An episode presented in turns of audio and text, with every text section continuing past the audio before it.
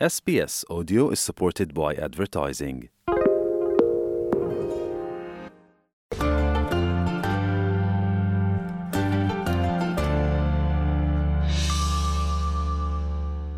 Dawk li jipprovdu servizz tal-kura tal-anzjani fl-Awstralja qegħdin iħeġġu lill-Gvern Federali Awstraljan u lill-Kabinett Nazzjonali biex jaġixxu malajr biex tieqaf l-imxija tal-virus Omicron f'dan is-settur tal-anzjani.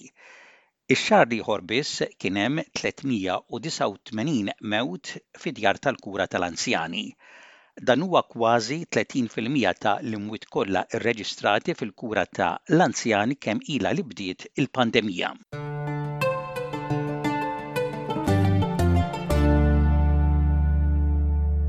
Il-perjodu tal-Milied u l-Ewwel tas-Sena kellu jkun pjuttost żmien kwiet fis-settur tal-kura tal-anzjani.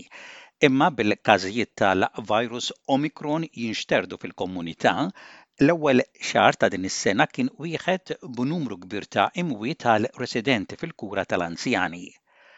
Paul Sadler, il-Kap tas-Servizzi ta' l-Anzjani u l-Komunità jgħid li dan l-impatt kien wieħed mill-agħar. Huwa jgħid li l-virus li nxtered fil-komunità nxtered fost ir-residenti fid-djar ta' l-anzjani. Dan affettwa tliet kwarti tad-djar tal-kura tal-anzjani. what's happened is Omicron spread so widely through the broader community that it has infected uh, residents who were out seeing their families. It has infected the staff and the family members. And it has then entered uh, nearly three quarters of all of the aged care homes across Australia. So it really has overwhelmed the aged care system in a way that the earlier waves, Alpha in 2020 and Delta in 2021, didn't do. Il-Gvern Federali Awstraljan li għandu r-responsabilità tas-settur tal-kura tal-anzjani jgħid li aġixxa biex jiżgura li jkun hemm provvista ta' ilbies u tagħmir protettiv u rapid antigen tests fid-djar tal-kura tal-anzjani. Il-Ministru tas-Saħħa Federali Greg Hunt jgħid li ittieħdet azzjoni. at the Commonwealth level, we've already delivered over 9.2 million uh, rapid antigen tests directly, of which 7.6 million have gone to aged care continuously and consistently uh, since August of last year. We're always looking at continuous improvement, continuous improvement, and that's what we've done throughout the pandemic, whether it was closing the borders, the work being done in relation to um, procuring PPE or right through the course of it. So there's continuous learning and engagement.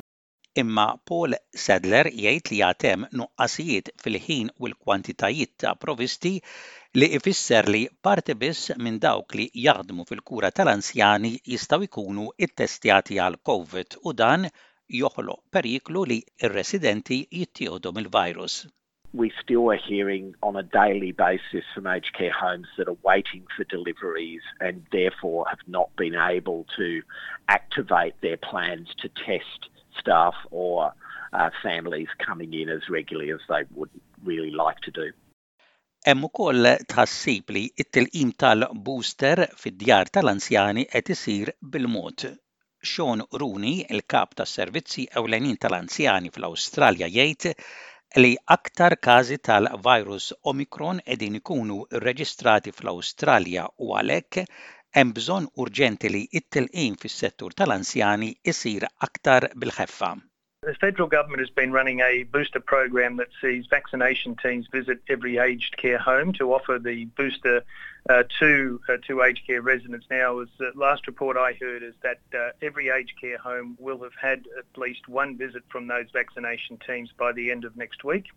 What we have heard though is that the uptake uh, of some residents in some locations has been lower than we would uh, uh, would have liked. we'd like to see more residents taking the booster when it is made available to them. We look to the staff. We know we have 99% plus of staff in aged care homes vaccinated. We want to see them prioritized for the booster programs.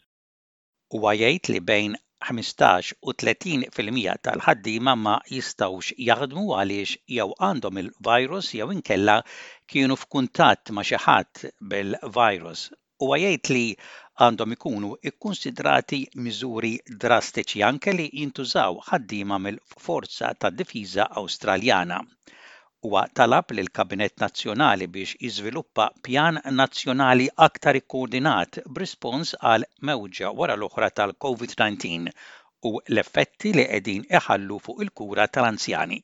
we need to come up with a plan so we're not having to reinvent the wheel or re-prosecute arguments for really what you would assume is just the basic supports that are going to be needed to keep people safe uh, in these outbreaks into the future. We need to be resourced and enabled to continue that fight on the front line to keep those older Australians safe and also to uh, support and enable uh, and keep safe the people that are caring for them.